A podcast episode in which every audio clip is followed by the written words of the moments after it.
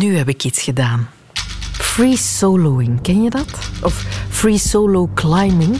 Dat is bergbeklimmen, maar zonder iets van bescherming. Geen touwen om je op te vangen als je valt. Geen haken. Je hebt alleen klimschoenen en een beetje krijt om je handen zo niet, niet te schmutzig te hebben. Jongens, dat was spannend. Zenuwen tot en met. Zotkloppend hartje, bibberende benen. Mis, ik was echt misselijk van de spanning. En dat was dus gewoon van een trailer van een film daarover te zien op het internet. Dat is het niveau adrenaline dat ik aan kan. Enigszins aan kan. Maar je hebt dus mensen die dat echt doen, hè? Begrijp ik niks van. Van dat soort waanzinnige waaghalzerij. Ik zou het wel graag begrijpen. Dus welkom in de wereld van Sophie. Je hebt ook zo van die mensen die van tientallen meters hoog gaan sierduiken in een piepklein zwembadje. Eén windstoot en je bent morsdood. Of mensen die gaan mountainbiken op van die 20 centimeter brede paadjes naast een ravijn, een kiezel verwijderd van hun graf van die basejumpers. Deze week was er nog zo'n tragisch verhaal, hè, Vincent Bilot? Ja, het is het tragische verhaal van Nathy Odinson. Nathy Odinson is een Brit, jonge gast van 33 uit Cambridgeshire, ten noorden van Londen. En ja, net zo'n waaghals als jij er net een paar komt te beschrijven, hè, Sophie. Alleen bestaat zijn kick niet uit mountainbiken op de rand van een ravijn of van op een veel te hoge wipplank in een piepklein zwembadje duiken. Nee, Nathy Odinson is een basejumper. Basejumpen is een vorm van parachutespringen, maar dan niet vanuit een vliegtuig of een helikopter, maar van een brug of een hoog gebouw. Die base in basejumpen slaat op het Engelse woord basis, omdat je dus springt van op een soort vaste ondergrond. En die base is tegelijkertijd ook, dat wist ik niet, een acroniem, een letterwoord waarbij de letters uh, B, A, S en E dan staan voor Building, Antenna, Span and Earth. Wat dus zo'n beetje de, de, de vier objecten, de vier plekken zijn waarbij basejumpen dus het vaakst van afgesprongen wordt. Gebouwen, antennemasten, overspanningen of bruggen en bergen of kliffen. En die Nathan Odison, die, uh, ja, die heeft al meer dan 5000 van die basejumps op zijn naam staan. We mogen hem dus wel een ervaren basejumper noemen. Hij heeft al basejumps gedaan in Engeland, Frankrijk, Zwitserland, Portugal, Zuid-Afrika. Allemaal stunts die hij zelf filmt voor zijn sociale media. En afgelopen zaterdag zou hij weer zo'n stunt uithalen in Thailand. Uh, meer bepaald in uh, de bekende kustplaats uh, Pattaya. -hmm. Die Nathy Odinson die klimt rond half acht s'avonds op een appartementsgebouw van 29 verdiepingen hoog, daar in Pattaya. Om half acht s'avonds in Pattaya is het al schemerdonker en uh, Nathy Odinson die staat op dat dak van dat flatgebouw samen met een lokale Thaise fixer, een kerel die zijn afsprong uh, gaat filmen om nadien op sociale media te kunnen delen. Vlak voor uh, Nathy Odinson zich afzet, onderwerpt hij zijn uitrusting nog een allerlaatste keer aan een controle. Hij vraagt aan zijn Thaise begeleider of de flitslamp van de camera op zijn helm wel werkt. De flitslamp waarmee hij zijn uh, sprong ook zelf gaat filmen. Is it flashing? Red light?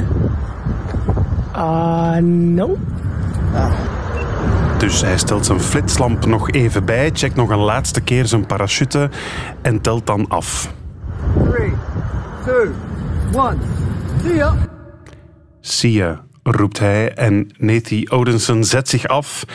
Maar er komt geen weerzien, Sophie, want Odinsons parachute gaat niet open. Zelfs niet half of een klein beetje, gewoon helemaal niet. Hij valt 29 verdiepingen naar beneden. Hij hapert nog even aan een boom, maar hij slaat dan dus onverbiddelijk te pletter op het asfalt van de straat en hij is gelukkig dan ergens nog op slag dood. Dramatisch.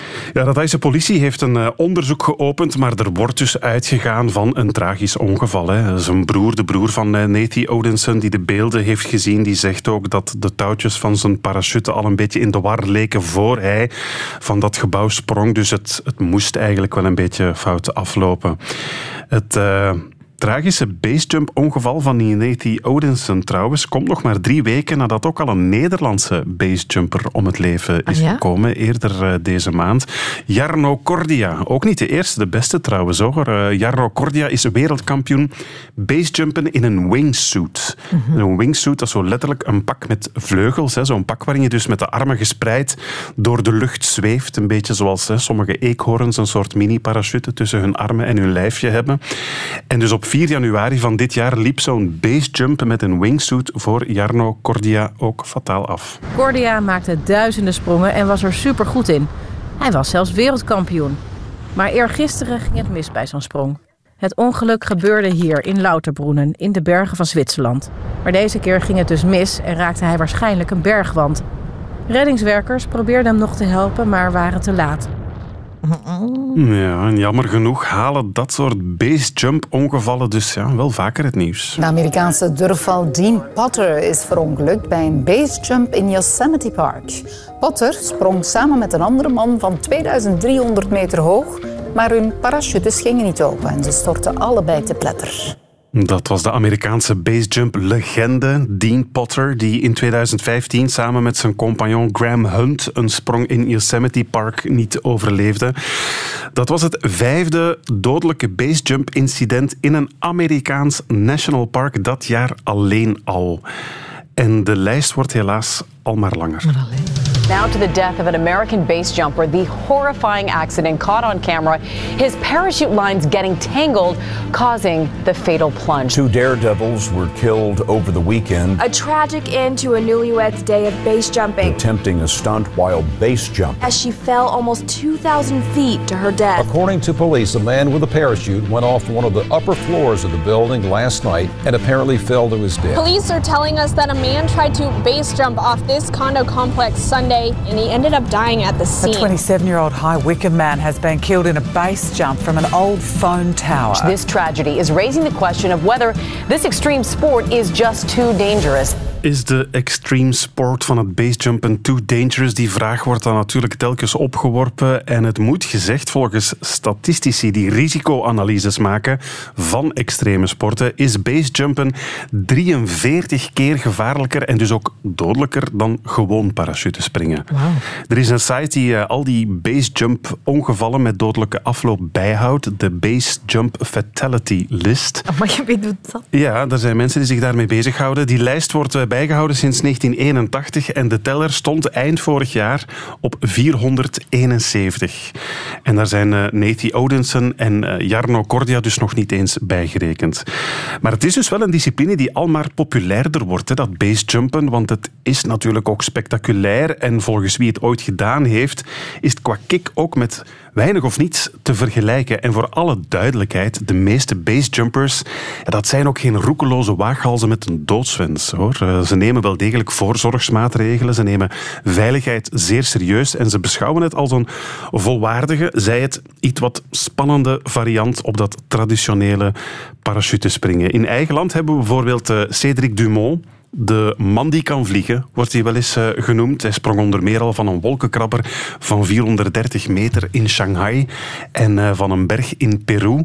En de bekendste basejumper ter wereld, dat is natuurlijk Felix Baumgartner. Ken je hem nog? Ja, amai, ja. De Oostenrijker die in 1999 van de Petronas Twin Towers in Kuala Lumpur sprong. Toen met zijn 500 meter het hoogste gebouw ter wereld. Fearless Felix wordt hij ook wel eens genoemd. En dan herinner je, 12 jaar geleden, de stunt der stunts natuurlijk onder de Is dat al basejumpers. twaalf jaar geleden? Ja, in 2012 was dat alweer. Toen deed hij er dus nog een schepje bovenop door als eerste mens een vrije val te maken vanuit de ruimte. Ja. Die Felix eh, Baumgartner die, eh, sprong van een hoogte van 39 kilometer naar beneden, haalde een topsnelheid van 1357 kilometer per uur, waarmee hij als eerste mens ooit door de geluidsmuur brak. En hij landde na 4 minuten 21 seconden veilig op aarde. I wanted to be the first human outside of an aircraft breaking the sound barrier. First 25 seconds, it looked like everything is under control. And after 34 seconds, I hit Mach 1 and I broke the speed of sound. Was that him breaking the? Yeah. So now I'm really happy because even the landing worked just perfect.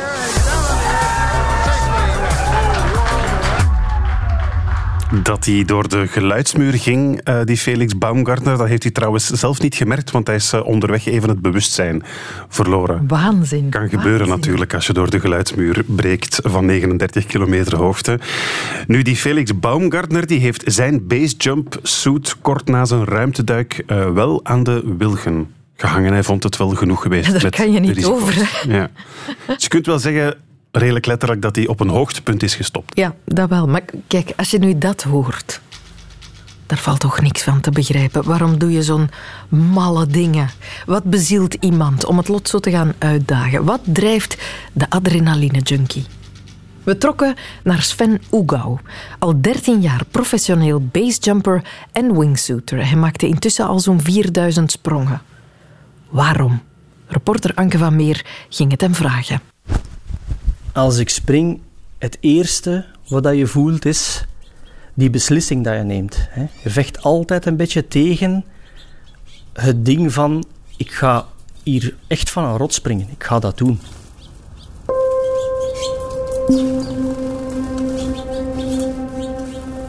Dat is een heel dubbel gevoel. Wij springen s'morgens, dus je zit met de opkomende zon, die prachtige natuur rond u, eerste vogels die beginnen te zingen. Het is nogal een moed waar dat je zou kunnen in verliezen in heel relaxed te worden. Terwijl kun je niet relaxed zijn en moet je heel alert zijn in de voorbereiding van is alles dicht, zijn mijn beenriemen dicht, is mijn borstriem dicht, is elke rits gesloten. Hoe is de wind in de vallei? Hoe is de wind hier boven op de berg? Is alles dicht? Hoe is de wind? Is elke rits gesloten? Hoe is de wind hier? Die wingsuit die je blaast op na 2, 3 seconden en dan begin je echt te vliegen. Dat gevoel, die overgang van vallen naar vliegen, dat is echt, ja, dat is ongelooflijk om mee te maken. Dat is echt een vogel, een arend die uit zijn nest springt, de dieperik in. Dat is exact hetzelfde. Tijdens zo'n sprong kunnen we tot 300 km per uur of meer halen. Een kameraad van mij heeft het wereldrecord. Uh, dat staat nu op 340 per uur horizontale snelheid. De meeste mensen zullen ergens rond de 200 per uur met een wingsuit vliegen.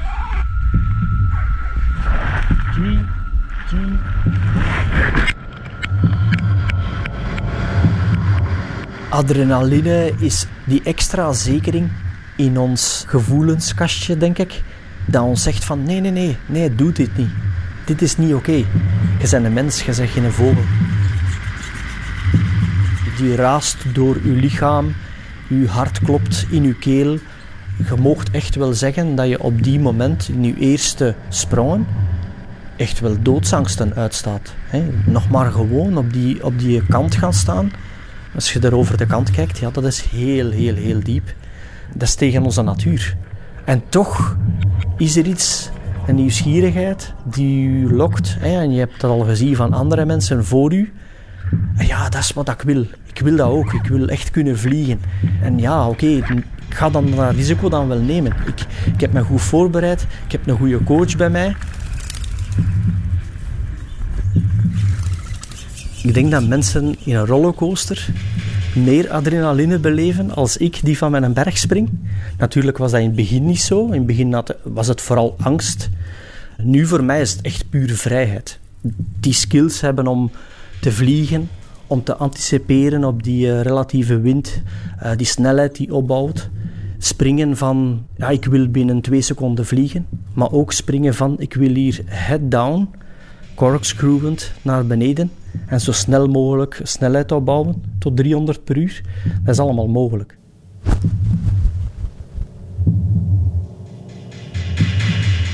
Ik denk dat er wel een aantal mensen zijn die het echt doen voor de adrenaline, maar dat zijn ook volgens mij de mensen die na een aantal jaren misschien wel uit de sport wat verdwijnen.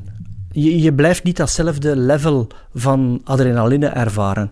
Kan me nog herinneren, na duizend sprongen was dat niet meer hetzelfde dan mijn allereerste sprong.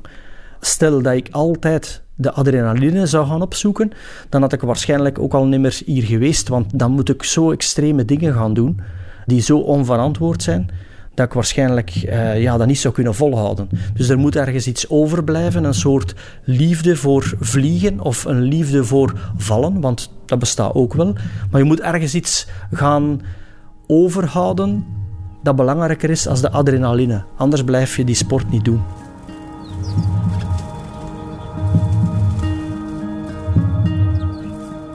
Ik ben nu bijna aan mijn 4000 sprongen.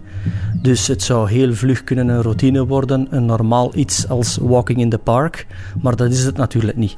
Dus je moet constant wel je eigen blijven uitdagen om toch scherp te blijven en je eigen te vertellen van dit is iets heel gevaarlijk, dit is tegen uw natuur.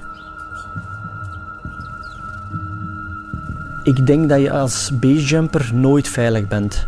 Niet, niet in je beginperiode, niet na een paar duizend sprongen en ook niet na 10.000 sprongen. Het gaat altijd gevaarlijk blijven. Is alles dicht? Hoe is de wind? Is de wind? Hoe goed dat je ook gebriefd bent, hoe goed dat je ook gecoacht bent, je staat er wel op die rots. Je gaat aftellen. 3, 2, 1 base of 3, 2, 1 jump. Het is ergens ook wel een beetje letterlijk, oké, ik ben nu klaar, ik aanvaard al mijn risico's. Ik ga als mens hier van die rot stappen. 3, 2, 1. Jump. ready. Jump.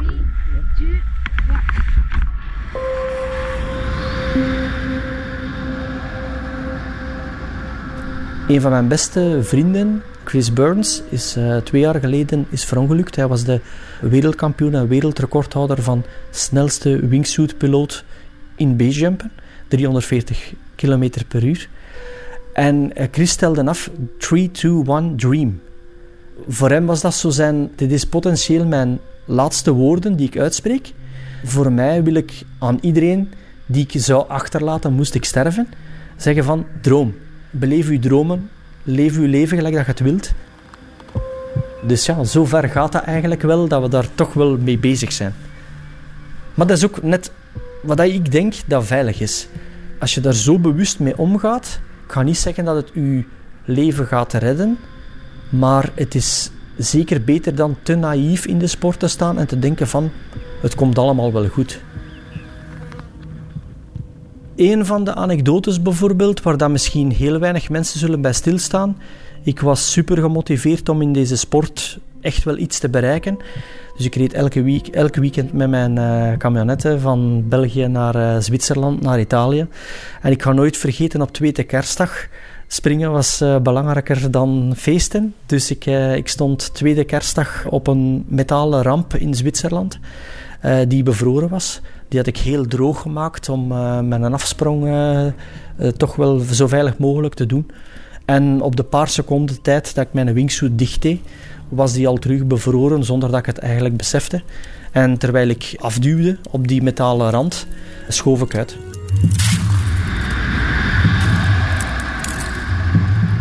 En ik heb daar met mijn ganse lichaam eigenlijk de sneeuw geraakt die tegen de berg ging. En dat heeft waarschijnlijk op die moment mijn leven gered. Ik ben in de winterperiode nooit meer gaan springen.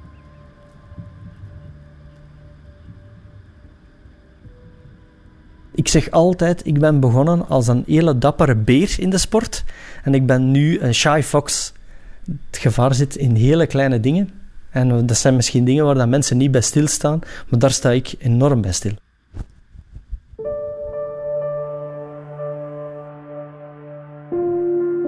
Ik denk dat mensen die, die niet springen ons zien als de adrenaline junks, maar het gaat hem in heel veel gevallen meer over nieuwe dingen leren en, uw, en uw lichaam kunnen gebruiken.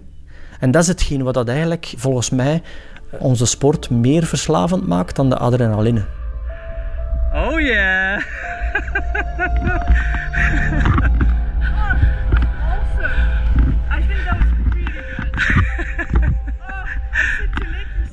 Als je terug met je twee voeten op de grond staat, weer met je twee voeten in het gras, dan voel je heel goed dat alles goed gegaan is. En ik denk dat ik dan terug ervaar dat er misschien wel wat adrenaline mee gemoeid is, dan voel ik wel mijn hart kloppen. Dan merk ik soms aan mijn handen dat mijn handen toch wel wat beven. Ik, maak het zo bewust niet meer mee dat er heel veel adrenaline en overlevingsdrang mee gemoeid gaat. Maar het is er wel waarschijnlijk.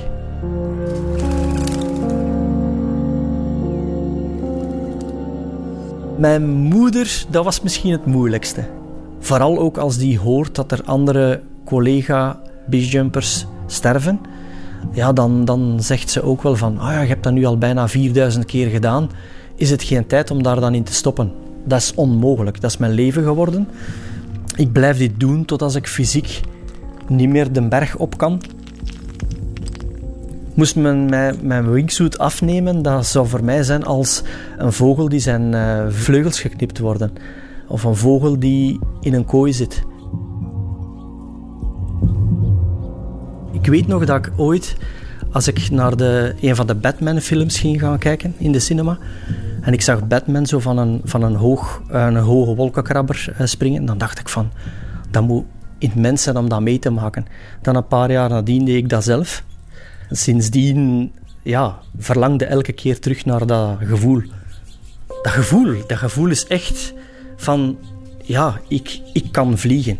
Dat is het echt. Ik kan vliegen. Ik heb mijn eigen aangeleerd om op een veilige manier hier gewoon van een hoog gebouw, van een rots, daaraf te springen. En dat komt goed. Ik krijg er wel een klein beetje goosebumps van als ik het uh, vertel, omdat ik uh, mijzelf een van de gelukkigste mensen op de aarde voel dat ik kan vliegen. Yeah.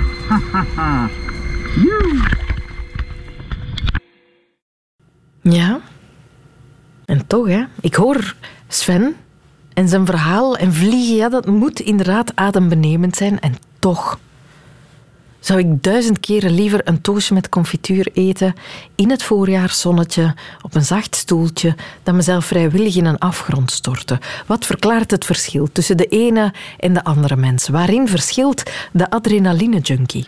Ja, wat we bij die mensen zien dus ik kan het best uitleggen aan de hand van hoe onze hersenen werken en onze psychologie werkt. Ingmar Franke hoor je, hoogleraar klinische psychologie aan de Erasmus Universiteit Rotterdam en expert op het gebied van de neurocognitieve aspecten van verslaving en drugsmisbruik. We hebben allemaal een beloningssysteem in de hersenen, in het Engels het reward systeem. En het reward systeem wordt geprikkeld door dingen die we leuk vinden. En voor de meeste mensen zijn dat uh, kleine prikkels, zoals uh, bijvoorbeeld in de ochtend uh, op een terrasje in de zon een krantje lezen, koffietje erbij. Mm -hmm. Daar worden mensen, voelen mensen zich prettig bij, worden ze gelukkig van. Uh, een ander voorbeeld is als je het koud hebt, een warme douche, uh, kijken naar spelende kinderen, dat soort dingen. En dat zijn allemaal dingen waar uh, wij mensen gelukkig van worden. Maar er is ook een bepaalde categorie mensen die um, dat lastig vindt om daar gelukkig van te worden. Die hebben eigenlijk sterkere prikkels nodig om um, die kick te krijgen of dat, uh, die beloningssysteem te prikkelen.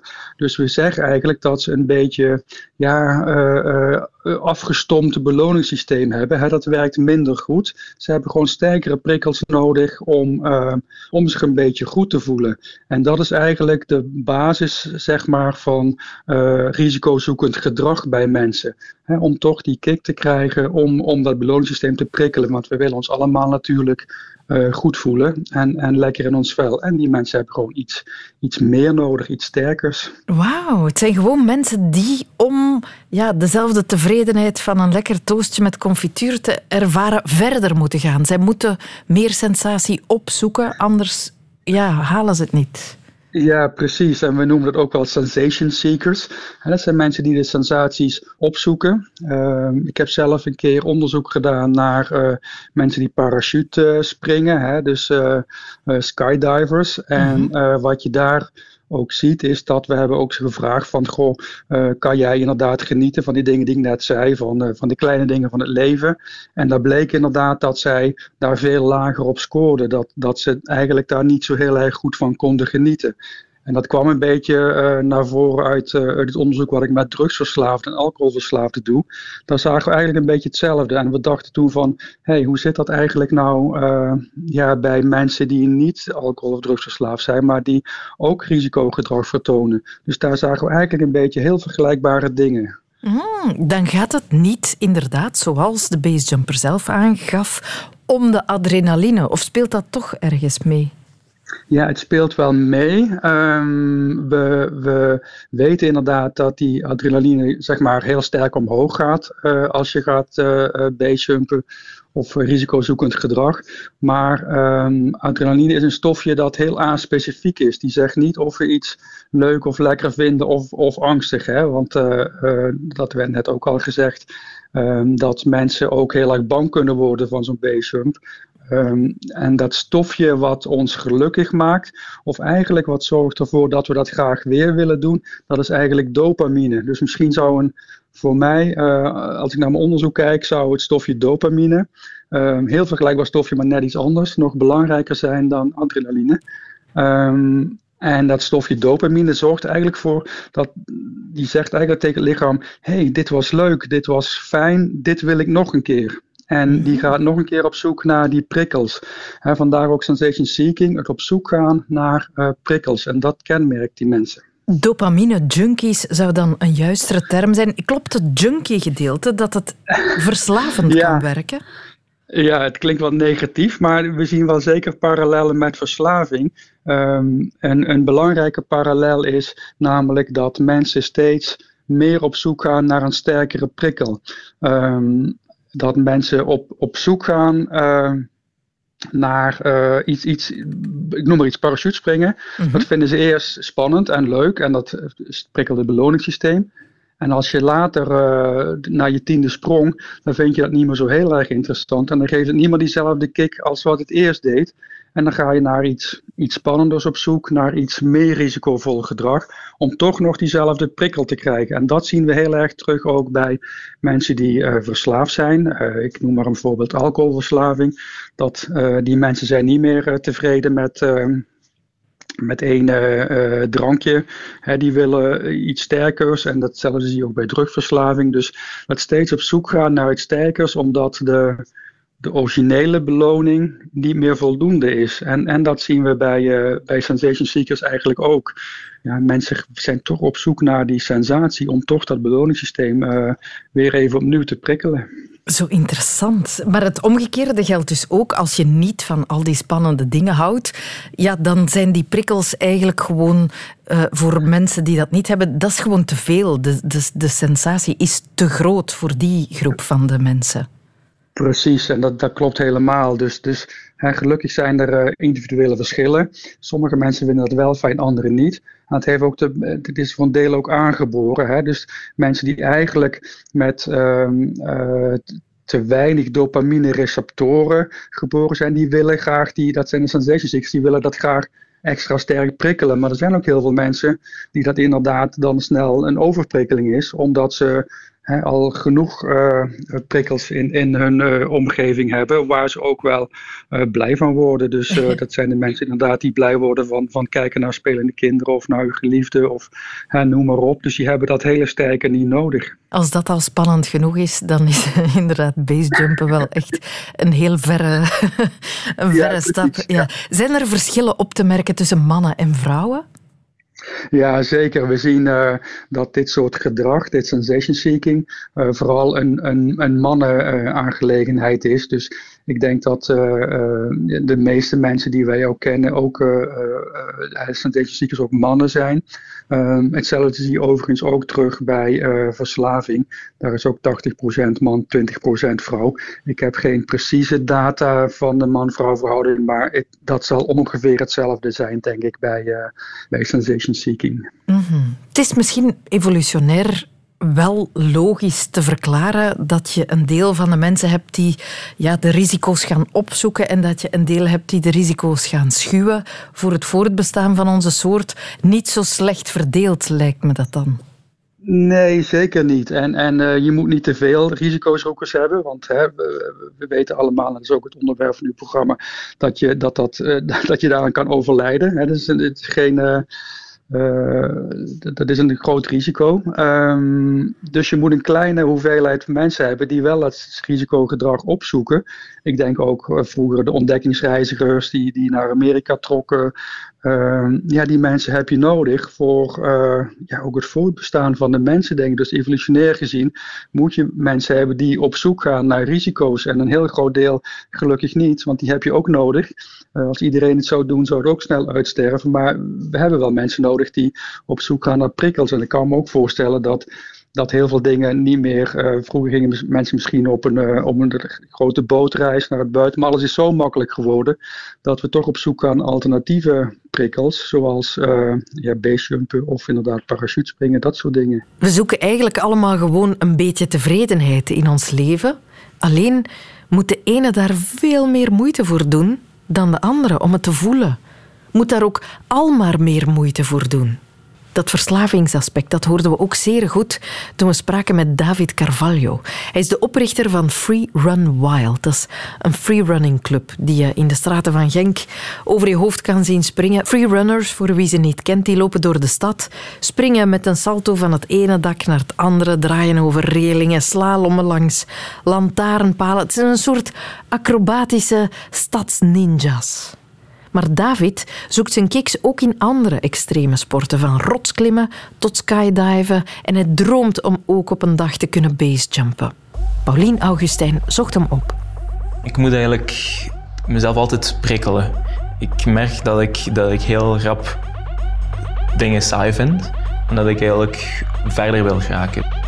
Grenzen verleggen, adrenaline opzoeken ik heb nood aan, aan, aan dat extreme. Ik heb nood om mezelf uit te dagen. Ik heb nood om, om daarover te gaan. Om mezelf aan mezelf te bewijzen in een zekere zin.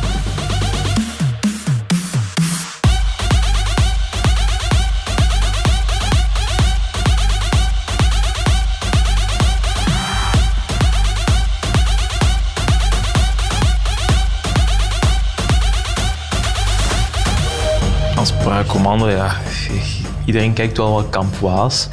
Ik ben daar ook in toegetreden in het leren naar, naar school, omdat ik ook niet wist wat ik wou doen. De opleiding dat ik volgde heb ik afgedaan, maar was niet wat ik wou.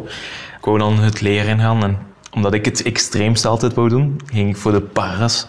En daar in, bij de paras was het dan voornamelijk ja, de extreme trainingen dat we doorgingen. Uh, de opleidingsperiode is al sowieso al, al een stevige boterham. En daarna de oefeningen die je met, met je eenheid doet, de, de collegialiteit, maar ook um, het onderlinge alfa-gedrag, dat je altijd wil presteren tegenover elkaar. En dat je dan ja, tijdens, tijdens missies, tijdens uh, oefeningen, tijdens wedstrijden, uh, ja, jezelf altijd wil verbeteren. En dan ook in het extreem gaat. Ja, je weet nooit aan wat je begint, denk ik toch bij het leren.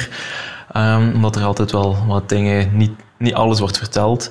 En dat heeft zeker de kicks aan, aan, aangewakkerd. Omdat ik uh, bij het weggaan van het leren, dan heb ik echt ervaren van oké, ik mis het echt. Het is echt iets dat ik echt nodig heb. En uh, tot, tot zelf destructief voor mezelf. Dat ik voelde van oei, het, gaat, het kan echt slecht gaan als ik, als ik mezelf niet test. Omdat je ook van een, een redelijke alfa-wereld met heel veel van die, van die kicks leeft, naar een rustige leven gaat. En ja, van elke dag zitten schreeuwen op het terrein, tussen alfa-beren zitten die al tien jaar ouder zijn dan jou, uh, naar, naar niet, naar op een kot met studenten waar dat je tussen twee muren zit te staren. Ik, ik werd heel grap, heel eerlijk gezegd zelf een beetje agressief. En dat merkte ik heel rap. Uh, heb, ik beginnen, heb ik me ingeschreven voor skydiven. Uh, dus um, als, als gewoon hobby skydiven. Heb ik een motor gekocht, motorrijbewijs uh, later gegaan, aangegaan. Heb ik me heel hard gelanceerd, ook in mijn sport, in freerun. Ben ik heel veel gaan freerunnen. Ben ik mijn brevetten gaan afhalen voor gaan roodsklimmen. En dan ja, ook gaan, gaan bushcraften, dus eigenlijk in natuur gaan survival terug. Dus van alles en nog wat. Mijn agenda zo vol mogelijk stampen met, met van alle soorten activiteiten en voornamelijk activiteiten die me adrenaline en kicks gaven. Maandag rotsklimmen, dinsdag motorrijden, woensdag freerunnen. Heel veel van die stunts, als je dat op een veilige manier doet, daar, heb je eigenlijk, daar krijg je eigenlijk niet echt veel uh, adrenaline van. Het is het feit dat je het op een moeilijkere locatie probeert uit te voeren of in een moeilijkere variant. Daar krijg je eigenlijk een, een ja, adrenaline van door de, de fear factor. Donderdag skydiven. Voel die, die spanning opbouwen. Dat, is, dat, is, dat begint eigenlijk al het gedachte dat ik dat ga doen, begint eigenlijk al voordat ik het vliegtuig uitspring, voordat ik het vliegtuig zelf instap. Dat, dat, dat bouwt zich op, dat is een suspense die zichzelf opbouwt en dat blijft zich opbouwen. En in plaats van direct het normaal te doen door het uit de, uit de vliegtuig te springen, hou ik nog die suspense aan door eigenlijk die parachute nog zo lang mogelijk aan te houden.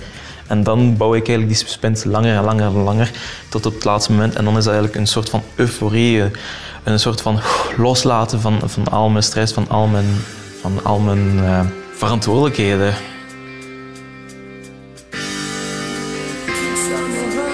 Ik zoek eigenlijk die kicks ook een beetje overal. Ook met het reizen reis ik niet op een, op een algemene met mijn, mijn reiskoffer. Ik ga heel graag gaan liften.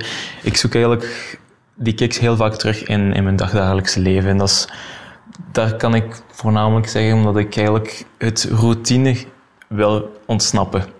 Ik heb mijn huidige werk en daar zit een, een bepaalde structuur in. En na een bepaalde tijd, zoals in een relatie, kan dat een beetje op één toon blijven. Als je er zelf geen variatie in steekt, beginnen, beginnen sommige elementen wat vervelend te worden of heb je niet meer zo dezelfde eerste ervaring, dat eerste ervaringsgevoel. En daarom probeer ik dat te hebben door ja, zo van die sporten, zo van die adrenaline momenten in mijn leven op te zoeken. Ik probeer me wel mijn, mijn gezonde grenzen af te toetsen en dat is ook heel hard nodig, omdat ja, zeker als je uh, ja, kicks ga opzoeken, zit dat vaak te gerelateerd met, met extremere dingen. Vooral zoals nu bij mij het geval, extreme sporten. En daar lopen natuurlijk risico's aan vast. En ja, ik moet gewoon zien hoe ik me blijf uitdagen en op een veilige manier. Maar ik probeer me altijd verder te ontwikkelen.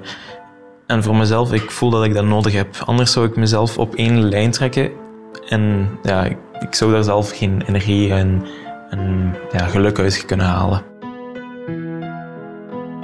Had ik dat niet gedaan, was ik misschien een heel andere persoon uitgedraaid. Want dat is eigenlijk ook een soort van filosofie om, om zo te leven. Je, je probeert jezelf altijd te testen, je probeert jezelf beter te worden. En dat, dat, dat zorgt ervoor dat, dat zich ook weer spiegelt in, in je dagdagelijkse, in je personaliteit. In een zin heeft dat me wel geholpen om, om, om te groeien als persoon. Verslaafd aan de kiks. Je bent het of je bent het niet. En de reden daarvoor zit in je hoofd. In de mate waarin je geprikkeld kan worden door een chippeke met de vrienden, spelletje Wie ben ik met van die stickers op je voorhoofd. En dan is er ook altijd zo een van de vrienden die zo... Ken je het? Zijn armen in zijn, in zijn joggingbroek steekt en dan die broek optrekt tot net onder het hoofd.